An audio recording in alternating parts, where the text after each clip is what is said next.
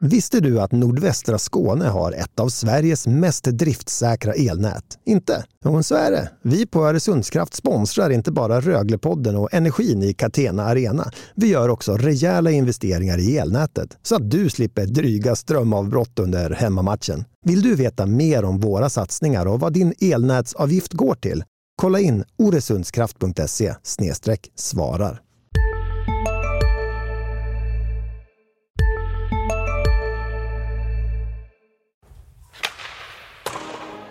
We're here to win a championship. I mean, I'm not no no issue saying that. Well, that's why are we doing this? It's to win. I mean, I I don't think uh, anybody that's involved at this level uh, has any other intention. So let's not uh, be afraid to say that. Pappa och Rogge och jag tror de har ju ändå gjort något stort för klubben liksom och de var väldigt stora där och det är bara kul att jag och Lukas har fått komma upp i A-laget båda två också och föra Elvenäs vidare.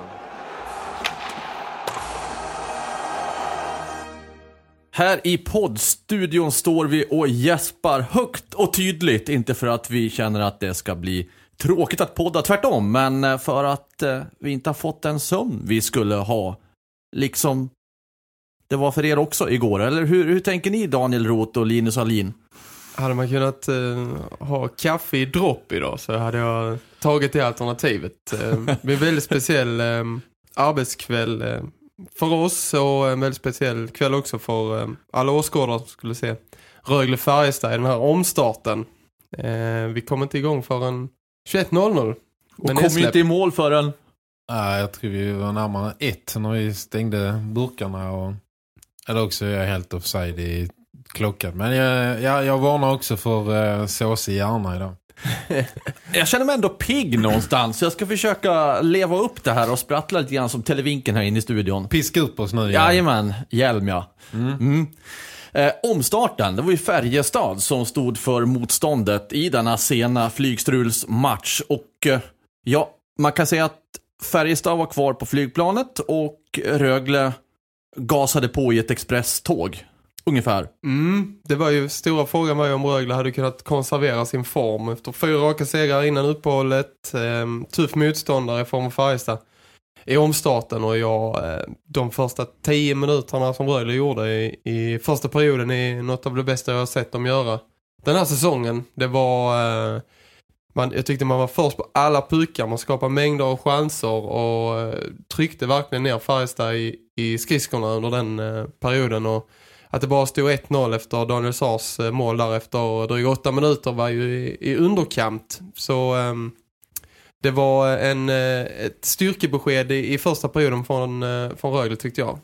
Jag sa till dig på läktaren Linus, typ efter andra perioden att sitter Färjestad och spelar eftersnackar eller sitter och snackar i pausen så måste ju de måste den vanligaste meningen vara helvete vad jobbiga de är att möta. Mm. Jag skrev det i min krönika att två pack-out från Färjestad var nog ingen tillfällighet. Det var en sån kväll där Rögle var som så här räliga hundar som har gläfser och, ha, och flåsar i nacken. Liksom. De har överallt hela tiden. Det var kalibrerad Abbott Hockey. Ehm, det var häftigt att se. Mm. Och ändå slutade det bara med en poäng. Och det var ju som ett rån av Färjestad som snodde hem två poäng till Karlstad. Jag vet inte, ah, Marcus Svensson måste ha ömma ljumskar idag. Han, att, att testa hela... Han måste ha tänjt dem rejält. Ja, det fanns några rejält sinnessjuka räddningar. Jag tänker på när Jonas Arnelöv i första perioden eh, följde med upp och spelade in framför mål och Kevin Wenström var så nära att få göra sitt första SHL-mål och det var en räddning som inte fanns. Och sen ännu värre i förlängningen med Linus Sandin som stod framför mål och fick en passning av... Inte förlängningen, det var 30 sekunder kvar. Det var 30 sekunder tredje, kvar. Ja. Tredje perioden. Det var ju, det var ju avgjort där. Eh, men äh, de kan ju köpa en extra blomma till honom. Han var det är bland, bland det vassaste jag har sett i målvaktsinsatser i den ishallen på mycket och, länge. Jag gick och funderade på vägen hit till jobbet efter att ha varit ute i Lina Arena idag igen då. Att, så här, vad kan man egentligen uttrycka det som? Det kan vara väldigt provocerande för alla er supportrar att höra någon stå här inifrån och säga att ah, jag, jag kunde ändå njuta av målvaktsspelet. Men alltså, om man lägger undan allt vad supporterskap heter och bara tittar på Marcus Svenssons spel det var, det var en fröjd att se bara rent målvaktsmässigt. För så sjukt bra han var alltså. Ja, hög klass. Men om man kopplar på, Um, kan bena lite mer den matchen. Jag, jag var inne på det spåret lite i min krönika också. Om det var fråga ett, liksom, hur ser Rögles form ut efter uppehållet. Så var jag också lite nyfiken på vad händer efter äh, Färjestads eh, 1-1-kvittering i slutet på första perioden. Det var bara sekunder kvar. Eh, om, man ska, om man ska prata om dåligt betalt eh, så får man säga att 1-1 efter den första perioden var väldigt dåligt betalt. Rögle borde ha lätt med eh, 2-3-0 kanske. Eh, så, så den sortens dominans och så mycket klara chanser var det ju. Eh, men det var rätt häftigt att se när Rögle kom ut i andra perioden att eh, det kändes som att man, eh, man såg inte eh, man såg inte skadad ut av det. I början var ju laget, tror jag vi stod här och pratade om, väldigt sårbart för motgångar. Och eh, man fick ett powerplay så, så försvann allt stäm liksom. Eh, man ser ju vad, vilken mental tålighet som på ganska kort tid har byggts upp. Eh, de såg ju inte alls påverkade ut av den kvitteringen utan man tog vid där man började. Sen började, blev kanske inte resten av matchen på samma höjder men min poäng är i alla fall att de, som- de skadades ju inte av det målet. Det sänkte inte dem.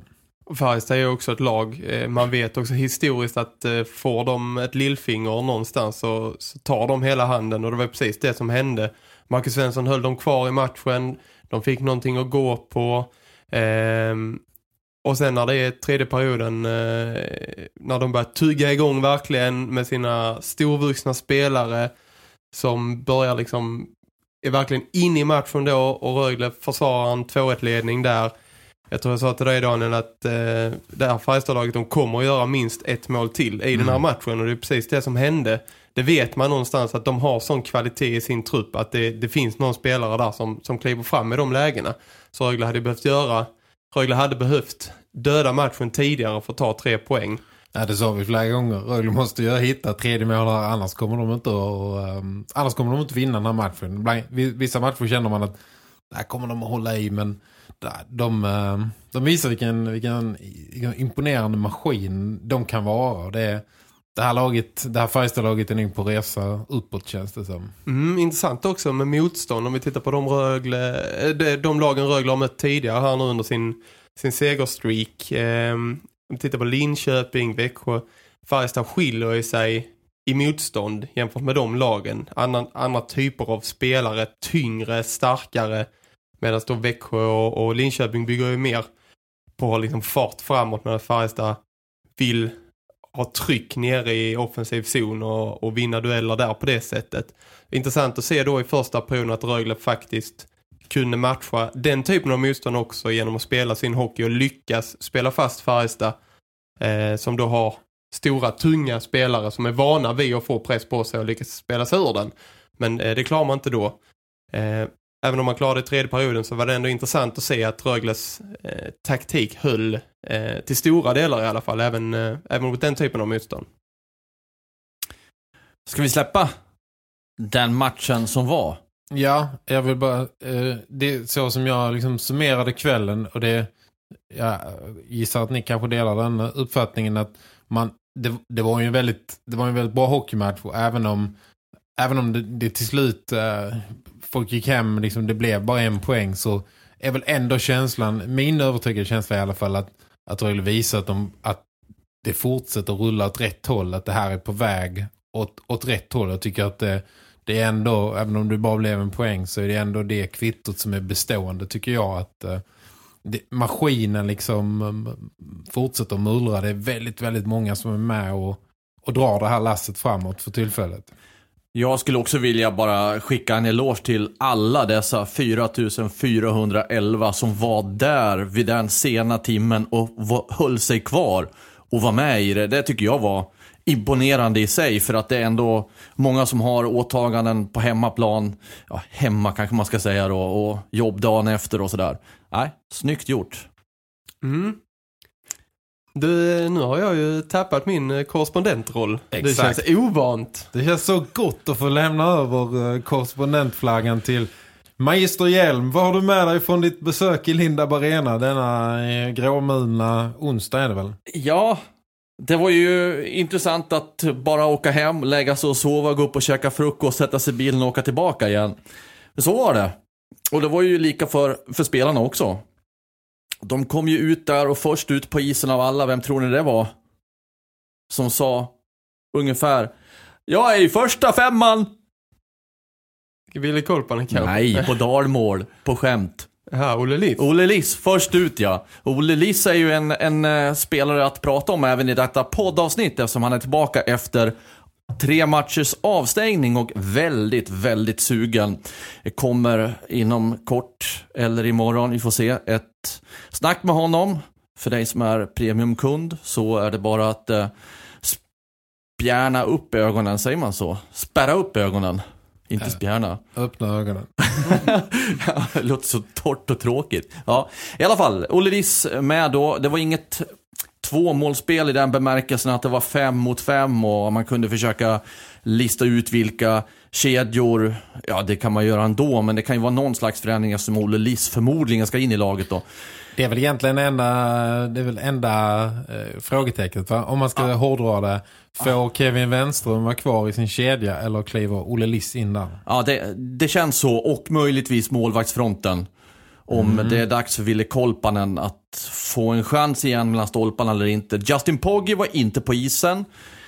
Frågade varför han inte var det. Det handlade om att han fick lite extra vila, eller vila, han var i gymmet. Men de, han har spelat väldigt mycket. Samma sak med Ted Brithén, spelar inte heller. Men det är inga skador, inga frågetecken för att de ska spela, men de var inte med på isen. Eh, inget 5 mot 5 spel, däremot en, vad det verkade, en uppskattad 2 mot 2 variant. Där man drog ihop målburarna, inte på kortsida mot kortsida. utan man kortade ner planen bara och sen specialregler på det. Uh, och den verkade de gilla vad det såg ut. Uh, I övrigt, vad kan man mer säga från, från träningen? Om du funderar på den frågan en halv minut så kan jag bara kasta upp den här frågan igen. Kevin Wenström, är han kvar i line-upen eller är Olle Liss uh, in där? Jag tror att eh, man sätter in Olle Liss. Ehm, eh, han har en eh, kapacitet som han har visat upp eh, tidigare. Inte jättemycket den här säsongen men eh, om man vill ha igång honom. Han har varit vid sidan rätt så länge nu efter den här avstängningen. Eh, det är det mest logiska i min bok. Även om Kevin Wenström var bra nu i förra matchen så tror jag att man vill ha, man vill ha igång Olle Liss och in honom nu när det blåser medvind i det här laget så har man också större chans att få igång hans produktion och får han igång sin produktion så vet ju alla hur viktig han kan vara för ett Rögle-lag.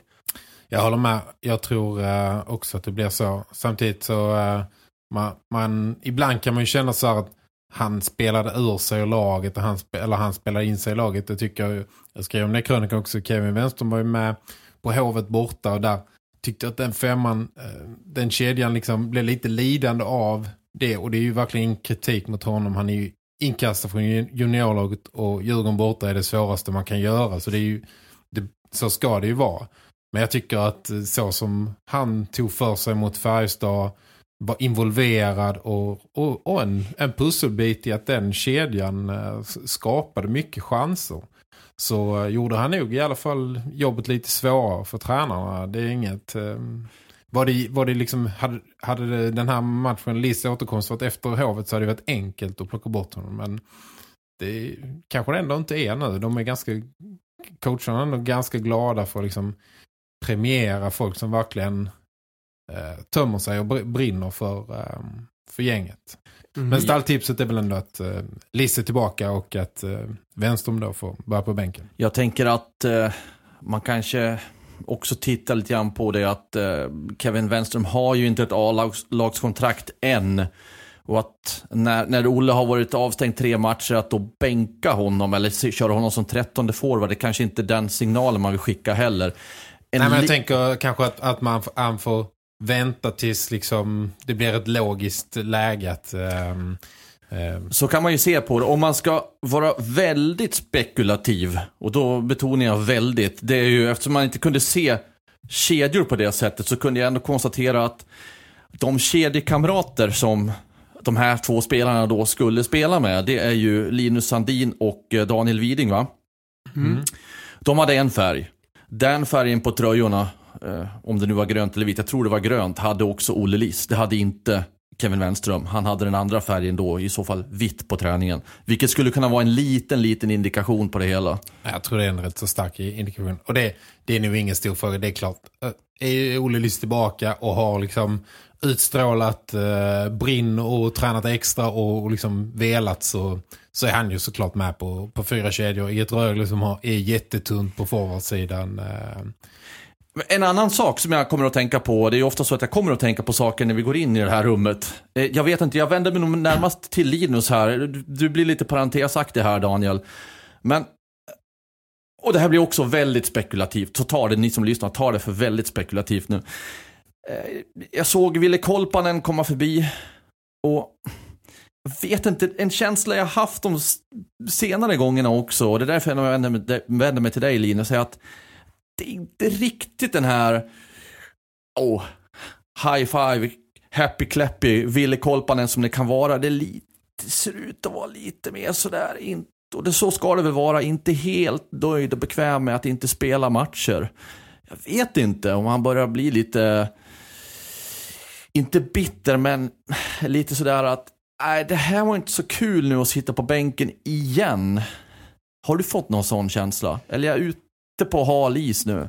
Nej, alltså hal is, det, det är väl klart att eh, han ska ju inte vara nöjd med sitt läge. Men jag tyckte man kanske kan se det på hans kroppsspråk också, eller? Så jag vet inte, han... Ville Kolpanen i min bok är ju en, eh, en klok och logiskt tänkande människa. Jag tror att någonstans så kan väl han ha förståelse att man har spelat Justin Pogge så pass mycket som man har gjort den senaste tiden när laget började vinna. Men samtidigt så han har varit utanför länge nu. Det är klart att han vill in och visa upp sig och visa att han kan spela på, på samma höjder. Eh, sen om man börjar bli missnöjd, alltså Ja, det, så långt vill jag inte dra det och säga att han är missnöjd. För det, det vore ju förmätet att tolka in så många signaler för ögonblicksbilder som han själv ser och, och bygger upp i, i sitt eget huvud. Liksom. Jag har sanningen. Jag har svaret. Berätta. Jag vet inte. Jag, min, eh, det är klart att han är pissförbannad. Ja, du tycker att det här är en icke, icke ja, men, äh, Alla hockeyspelare är ju individualister i äh, vill ju. Han har ju inte fått chansen på länge. Tränarna har ju valt äh, Justin Poggi. Och det går inte att kritisera det. Poggi har varit jättebra. Men det är klart att, att Kolparna ju inte står och öppnar dörren 15 matcher i rad. Jag tror han är, är alltså inte förbannad på, no, på omgivningen. Men det är klart att han vill, han vill spela. Han är jag tror det en, hade varit en helt annan eh, på, på Kolparna som hade kommit emot dig om han hade stått 14 eller 15 senaste eller nu kan man, jag har inte exakt den. Eh. Men låt oss fortsätta, om vi nu ändå ska vara spekulativa. Så ja, jag, jag vill ändå på något vis försöka förmedla av vissa synintryck som jag har fått när jag har varit korrespondent.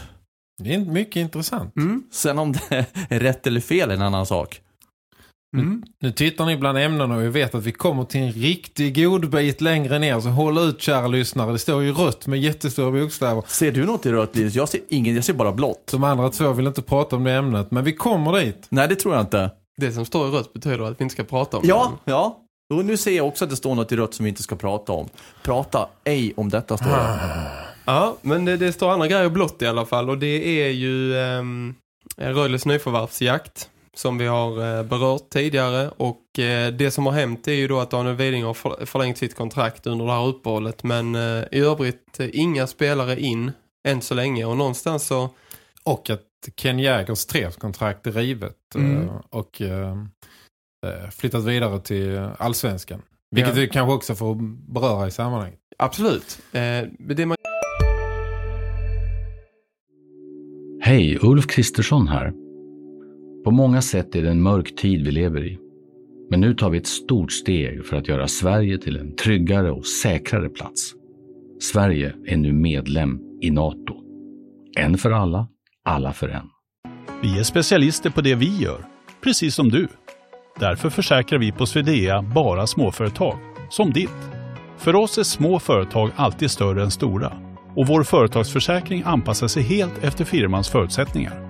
Gå in på swedea.se företag och jämför själv. Man kan säga då är ju att eh, min känsla är, eh, vi får ju mycket tips och samtal och man pratar med mycket folk. Förra veckan känns det som att det var jättemycket som flög i luften med rykten och folk som hade hört grejer och, och så vidare. Men det känns som det har lugnat ner sig de senaste dagarna ganska ordentligt. Eh, sen kan det vara lugnet före stormen, absolut. Chris Abbott, Röjde Sportchef har ju sagt, uttalat att de vill värva eh, flera gånger nu. Så det vill de ju, men känslan är ändå att det är inget som är så här superduper nära. Eh, om, vi gick in här för på växeln och sa att eh, vi får mobilerna på för nu kan det hända grejer när som helst. Men det är ju... Eh, nu är de avstängda. Nu är de avstängda, men det är lite min magkänsla i alla fall. Sen som sagt, det kanske jag får käka upp här eh, inom kort, men någonstans så man är, man är van vid att eh, eh, innan det händer grejer brukar man ofta snappa upp saker och ting. Men nu har det varit eh, rätt så tyst. Ja, vi pratade ju för någon vecka sedan om eh, Chris Abbott i fiskespö vid en damm där det stod rätt mycket folk när dammen ser ut som Danskesjön nu som håller på att torka ut. Eh, det väller inte direkt in spelare. Örebro har gjort någon värvning. Vi vet att många klubbar jagar spetsvärvningar men det är ju ingen klubb som värvar. Så att förmodligen är ju marknaden eh, väldigt, väldigt skral eh, för tillfället. Den har väl kanske det att göra med också om och när Mattias Sjögren kommer tillbaka är det nära förestående. Då kanske det inte är samma ko på isen att få in ytterligare en spelare. Och Ja, jag får erkänna att jag frågade inte assisterande tränaren Corey Murphy idag om han spelar imorgon. Jag tar för givet att han inte gör det för att då skulle det ha borde det ha annonserats ut i så fall och vi pratade också med Chris Abbott så sent som igår där han inte hade någon tidsplan för det. Eh, så vem vet, kanske är det så att värmningarna hänger ihop där med Sjögren. Jag vet, Ja, Min då... känsla är annars att, att Sjögren är, äh, även om han liksom skulle spela så är, tror jag det är svårt att räkna honom som ett säkert kort. Liksom. Han får nog betraktas som en bonus. Äh... Smyger liksom utanför ramen på något sätt oavsett. Ja. Oavsett, och skulle Sjögren gå in och vara 100% om, om äh, till helgen, de, de behöver ändå värva spelare med tanke på eh, hur truppen ser ut i nuläget. Och det handlar inte om, om kvalitet på så sätt utan det handlar om att eh, just nu är Rögle väldigt sårbart för eh, skador, avstängningar. Och det är ju ting man vet kommer att inträffa. Eh, speciellt nu när det är tajt med matcher och kommit en bit in i säsongen, folk är slitna eh, och så vidare. Så oavsett vilket behöver Rögle värva. En spelare som faktiskt finns på marknaden nu är ju eh, Dennis Everberg. Och där blev det ju klart i, ehm, eh, under onsdagen också att ehm, eh, tisdagen, förlåt, under tisdagen att han eh, blev blir uppsatt på waivers och det innebär ju då att han eh, kommer att lämna Winnipegs or eh, organisation. Eh, sen är frågan var han hamnar. Ehm, det känns som att han kommer ha mycket att göra när han ska gå igenom de alternativ som finns när han ska välja en ny klubb. Jag menar, med tanke på att alla, alla jagar spets och det gör, det gör de i Schweiz också. Eh, så har ju alla så här, det finns rätt så många klubbar så här års som har möjlighet att spänna bågen. Uh, det är väl inte otänkbart att Växjö är med i den bilden också? Nej, det, det Han har ju varit ju, där och... Det är de ju garanterat. Jag tänker det. Men det finns ju kanske klubbar som kan betala dubbelt så mycket som Växjö som finns i Schweiz. Men Växjö kanske kan betala mer än Rögle. Ja, men, ja, men jag tror nog att, att det är inte pengarna Rögle kommer att falla på. För jag tror att det finns uh, utrymme och de har frigjort pengar längs vägen. Så um, jag tror inte det, det är inte pengar som kommer att locka honom i första hand. Uh, eller vad sa du Linus? Det handlar om uh, vad som finns utanför hockeyn också såklart. Uh, sociala livet och allt det där. Vad man är, är sugen på eh, vilken typ av utmaning det är eh, och så vidare. Men jag säger, som jag har sagt tidigare, det är att Dennis Everberg kommer att spela i Rögle igen eh, inom i alla fall ett par säsonger. Det är jag ganska övertygad om. Jag ser det som logiskt. Sen om det händer nu, det känns fortfarande längre bort i min bok än eh, att han skulle ta ett eh, halvår i till exempel Schweiz eller något annat och testa på det.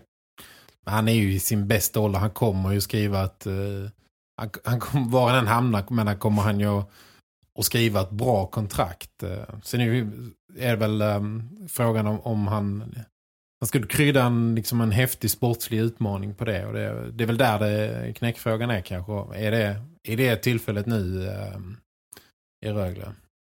Precis. Det gör väl sig. Mm. För en vecka sedan så bad... eh, Vi är inte på, vi är inte på det röda... Nej. Nej. Nej. För en vecka sedan så bad ju Daniel mig att eh, ha någon spaning. Yes! Har du en sån? Snyggt. Nej. Men jag kanske har två noteringar. Spaning är för kraftigt.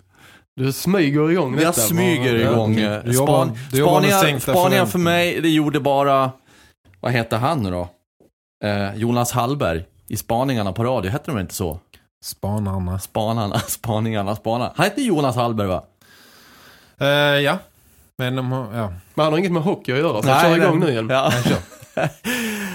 jo, eh, i sista hemmamatchen innan uppehållet så gjorde ju eh, Taylor Mattsson sitt första mål. Linus Sandin gjorde sitt första mål. Och Eh, Simon Ryfors gjorde sitt första mål va? Igår i hemmamatchen, första då, matchen efter uppehållet så gjorde Nils Höglander sitt första mål. Och Kevin Wenström var jättenära att göra sitt första mål. Min lilla notering här är att eh, det snart inte är så många spelare kvar väl att spräcka den där målnollan som ju var så förhatlig länge i början av säsongen. Det är en liten notis för mig. Det är en intressant notis. Eh, för att vi har ju länge pratat om eh, att det var bara en kedja som eh, drev det här Rögle-laget framåt. Nu känns det som att det är fler spelare som har eh, kommit igång. Och det är ju eh, otroligt värdefullt såklart. Den här första kedjan med Ted Brithén, Daniel Sarli och Bristet är ju fortfarande i superbra form. Men eh, för att slå topplagen, för att klättra i tabellen så behövs det ju att eh, man har fler producerande kedjor. Och det har ju Rögle börjat få nu. Men det är ju lite eh, så det känns att, eh, att det är ganska, som jag sa innan, ganska många som är med och drar det här lasset. Vi satt och snackade igår lite som han, han börjar se stark ut nu. Det är må- många man liksom det är många på den listan som uh, börjar känna sig liksom uh, starka. Vad nu vecklar Linus upp ett papper? Ja, det där var inte alls med i protokollet eller förhandsinfon. Jag hade också med, jag hade också en spaning. Trolla fram något. Ja men det går hand i hand eh, faktiskt eh, eh, genom lite grann med det du sa nyss. Eh, men det är dålisarnas framsteg eh, nu sista tiden. Spelare som inte får de stora rubrikerna alltid men som jag tycker har eh, verkligen visat sig för sin bästa sida. Eh, så jag har eh, ett gäng spelare här ehm, eh, på den som jag har eh, tagit upp och den första är Daniel Bertov. Eh, backen som jag tycker har eh, varit väldigt bra sista matcherna. Han var ju länge utanför och sen kom han in och får spela på sex backar nu. Jesper Williamson eh, spelade väl bara några minuter i, i förra matchen. Och där Daniel Bertov då spelar med Allen Bibic i, i tredje backparet. Och jag tycker att han, han ser i mina ögon ut som en eh, fullfjädrad SHL-back. Och det var han som la pucken mot mål som Nils Höglander styrde in. Och det var inte första gången heller. Han har gjort en assist från sin backplats. Och det var och han räddade ett Det givet var det jag skulle säga det också. När Han, Justin Pogge var ute och brövlade i hörnan. Ja, brövlade. vad betyder det? Nej, det är skånska. Bästa poddordet ever. Ett gatt? Nej, Gatt. det är någonting helt annat va? ah, Jag förklarar för igen förra veckan vad ett gatt är. okej. Mhm. I alla fall, eh, eh, Linus Sandin, tvåa på eh, listan. Som ju för er verkar vara en dålig, men jag tycker inte han är så dålig. Så jag tycker man- man ser honom mycket. Ja, men apropå stora rubriker så är han ju en dålis. Ja, men det är för att att inte han- ni har gett honom de rubrikerna. Själv hade jag ju matat på dem i stora feta bokstäver varje Jobb- match. Jobbar inte du också på HD-sporten? Ehm, nej men eh, Linus Sandin, jag tycker han gör otroligt mycket nytta för det här laget. Eh, speciellt, eh, ja, ti- titta på eh, senaste matchen till exempel. Han, det är otroligt stark på pucken eh, runt sarghörnorna. Eh, motståndarna har väldigt svårt att komma runt honom och erövra den. Han är, vårdar pucken på ett bra sätt också. Spelar ofta till en medspelare, blir inte av med den så mycket. Eh, Gör mycket jobb i det tysta och eh, förtjänar en eh, lite beröm. Han är, Rö- Rögle pratar om att de vill hitta liksom centern i hålet, hitta centern i mitten. Han är stark där också. När han, eh, han är ju ett, eh, han är ett starkt liksom, alternativ till att hitta dem. Mm. Eh, Nils Höglander har jag också skrivit upp här. Jag tycker att han har... Eh, det är lätt. Alltså killen är 17 år. Det är lätt när man är så pass ung och stirrar sig blind på ah, men jag har inte gjort mitt första målen. Jag har inte gjort så mycket poäng. Jag tycker han har visat liksom upp en väldigt mogen sida genom att börja i rätt ände. Han sliter otroligt hårt i varje byte. Sen har han inte alltid fått betalt för dem. jag tycker arbetsinsatsen har varit där i match efter match. Nu gjorde han sitt första mål eh, senast och fick betalt. Men jag tycker någonstans att det sänder en signal om vilken mentalitet han har. För det är lätt när man är 17 och då när produktionen inte kommer när han har haft en superstark försäsong och sen så stannar det av när serien börjar. Då är det lätt att gå ner sig och tänka, åh det här var ju inte så lätt, jobbigt och mentala spöken och allt det där. Men jag tycker han har visat sig stark på den fronten genom att börja i den änden och sen då förhoppningsvis för hans skull så kommer detta att vara början på någonting även produktionsmässigt. Eh, Taylor Mattsson också skrivit upp som nu har klivit in som center. Där har eh, någonting hänt också. Eller? Absolut. Jo, han har ju hittat en uh, högre roll sen han klev in i mitt. Man en jävla lång lista du har då. Ja. Nu har jag bara, Nu kommer snart Jonas Arnelöv också. Jag har bara sex spelare kvar. Nej, sista på listan eh, apropå eh, Dollisarnas framsteg. Eh, Samuel Jonsson. Jag tycker det är lätt att glömma att han bara 20 år gör sin första hela SHL-säsong. Vi var ju på ehm, eh, eh, uppe i matchvarslogen och lyssnade till Chris Abbott eh, också in, inför matchen. Eh, senast och han eh, gav ingen liten hyllning heller till, till Samuel Jonsson och jag tycker att eh, sättet han har tagit sig an den här säsongen är ehm, imponerande. Får jag slänga in en uh, Nej, Jag har ingen lista. Alltså Det här- vilket otroligt eh, dolt lag Rögle är. Bara en massa dollis. Jag trodde faktiskt du skulle säga Erika Andersson. Uh, Då hade listan blivit för lång. ja, jag vet. Ja. Nej, men jag kan väl er- erkänna att i början av, av eh, serien så jag såg liksom inte riktigt jag ska inte säga poängen med den värvningen men jag såg inte riktigt hans storhet. Jag har inte sett honom kontinuerligt innan men jag tycker de sista matcherna så har liksom även poletten trillat ner. Jag förstår mer varför de värvar honom. Han är han är eh, det, det är en hårt arbetande människa. Vi sa någon gång i tredje när han täckte ett skott med, med, med hela kroppen att uh, han har um, stark i boxplay och man börjar förstå varför de har värvat honom. Vad var det? Vi gjorde ju någon intervju med Dennis Everberg för många år sedan där han pratade om att täcka skott. Han var episk. Ja, vad var det? han- Det var den döende svanen eller var det, var det? Det var det man absolut inte skulle göra när man åkte upp eh, på en skridsko och försökte täcka ett skott. och, Ja, du gjorde fyra olika varianter att täcka skotten och sånt. Så tog han en eh, fjärde som var förbjuden. Och det ser ut som en ballerina som ställde sig på ett ben.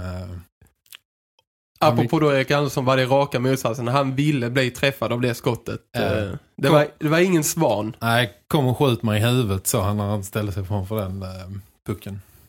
Nu börjar vi nästan närma oss Nej, alltså jag hade ju två noteringar. Jag hann bara dra en. Okej då. ja, men jag har ingen brådska, jag ska ingenstans. Jag börjar bli pigg nu. Ja. De ska ju möta Örebro.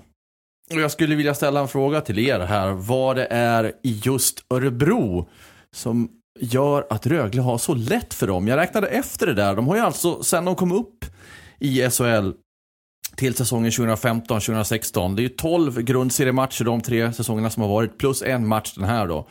Och man har vunnit 10 av 13. Jag har inte räknat på något av de andra lagen, men jag är tveksam på om de än skulle nå ett sånt facit med Ja, nu har inte Mora varit med alla de säsongerna, men, men med Mora eller något annat lag. Va, varför funkar det så bra mot just Örebro? Den frågan har jag ställt mig själv. Jag har inte svaret på det, men uppenbarligen är det ju ett lag som det är skönt för Rögle att spela mot. Det är ju så i, i alla lagidrotter att vissa lag funkar det bara bättre mot.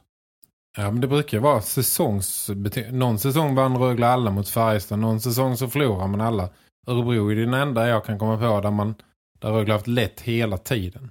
Jag, alltså när man ser... Jag ser ju mest Örebro när de möter Rögle så har jag ju svårt att fatta att de ens spelar i SHL. För jag tycker att det är det sopigaste laget. De, har, de är alltid eh, veka och en eh, målvakt som släpper in allt. Eh, lite tillspetsat så, så känns det som att Många av de här matcherna har ju slutat med, det är de enda gångerna Rögle har vunnit med stora siffror så är det mot Örebro. Men de har vunnit borta också mot Örebro. Ja, Kan, kan det inte vara psykologi inblandat såklart? Att eh, när man väl Alltså man går in med en skön känsla eh, i Rögles fall samma som Örebro. De har väl också, spelarna som har varit där flera säsonger vet ju, oh, vi torskar alltid mot de här. Jag vet inte varför, vi har alltid svårt för dem och så sätter det sig någonstans i, i bakhuvudet. Klart att det finns andra anledningar men det måste ju vara en del av det i alla fall. Rögle har så att säga 1-0 med sig redan innan man går in i matchen. Nu har de ju ett mentalt överläge på dem, absolut. På, sam på samma sätt som Rögle är i mentalt underläge när man möter typ Skellefteå som man i princip aldrig vinner mot. Nej. Jag tycker ofta när man möter Örebro så vet man, man ser att det finns eh, ett par eh, väldigt, väldigt skickliga spelare. Men det ser sällan ut som ett lag när de, när de möter Rögle. Sällan de har, ställer en målvakt på banan som tar 40 skott. eh. Nej, Ja. intressant. Och vi kan också benämna att Rögle har en, eh, en jättechans nu den här veckan och, och klättra ännu högre upp i tabellen med tanke på då önskemotståndaren Örebro borta och sen Mora hemma. precis på lördag. Jag menar, om vi nu gick igenom och sa att Rögle vunnit mot tuffa lag, liksom Linköping var väl nästan serieledaren de var här, och Växjö och allt möjligt, så kommer ju ett, eh, på pappret, två betydligt beskedliga motståndare nu. Nu har man ju verkligen läge att ta ett skutt ifrån dem. Mm. Det var allt Det för denna vecka. Nej, det var det med faktiskt inte. Röglepodden. Vi tackar så jättemycket för att ni har lyssnat och hälsar er välkomna Jag tror nästa Jag egentligen, vecka. egentligen tror jag inte vi behöver prata om för jag tror att lyssnarna vet varför ni, inte, ni två inte vill prata om gårdagens match i företagshockey som Jag kan göra det. Jag kan absolut prata om det. Jag kan också prata om det. Ja. Jag kan prata om att jag gjorde två mål och två assist. Sen behöver jag inte nämna att jag hade Ja, minus åtta i plus minus. Jag, jag kan säga att jag spelade 8-4 i matchen. Plus 4 alltså. det är sinnessjukt hålla reda på sin egen Du, statistik. det kan man tycka, men hade du spelat emot, det gjorde du förresten, du spelade ju i förlorarlaget i fjol. Då borde du ha gått in också den här matchen och tänkt att jag ska nog hålla koll på siffrorna. För Mm. det var inte kul för oss i fjol, Daniel. Det vita laget med Linus Alin och Mattias Hjelm fick ihop 10 mål. Det är värt en applåd. det gröna laget, där jag var med, vi fick ihop 15 mål. Jag trodde det var 18, var det bara 15? Jag tror vi, Ja, det var ändå bra gjort av oss. Det tycker jag. 15. Ja, det är hemskt att det är ett helt år kvar till nästa match. Men eh, Ja. Det här kommer vi kunna, det här kommer jag leva på ett helt år. Det var faktiskt det enda som drev mig att vinna eh, mot slutet, att vinna mot er två. Nej, nej men, ni hade ju före detta hockeyspelare med i laget, eller bandyspelare vad det var. Det var ju sjukt hög kvalitet på vissa spelare där. ja, min, det är min slutsats också. Fubbiga lag, Fubbiga lag. fubbiga lag och Ja. så eh, pratar vi inte mer om detta. Nej. Nej. Men eh, vi önskar er lycka till nästa år. Tack så jättemycket. Och vi eh, hörs av igen nästa vecka allihop. Då är vi eh, på tå från början. Var inte ni det nu alltså? Men vi blev längs vägen. Du ryckte upp oss, precis som du lovade. Härligt. Okej. Tack så mycket. Tack! Hej,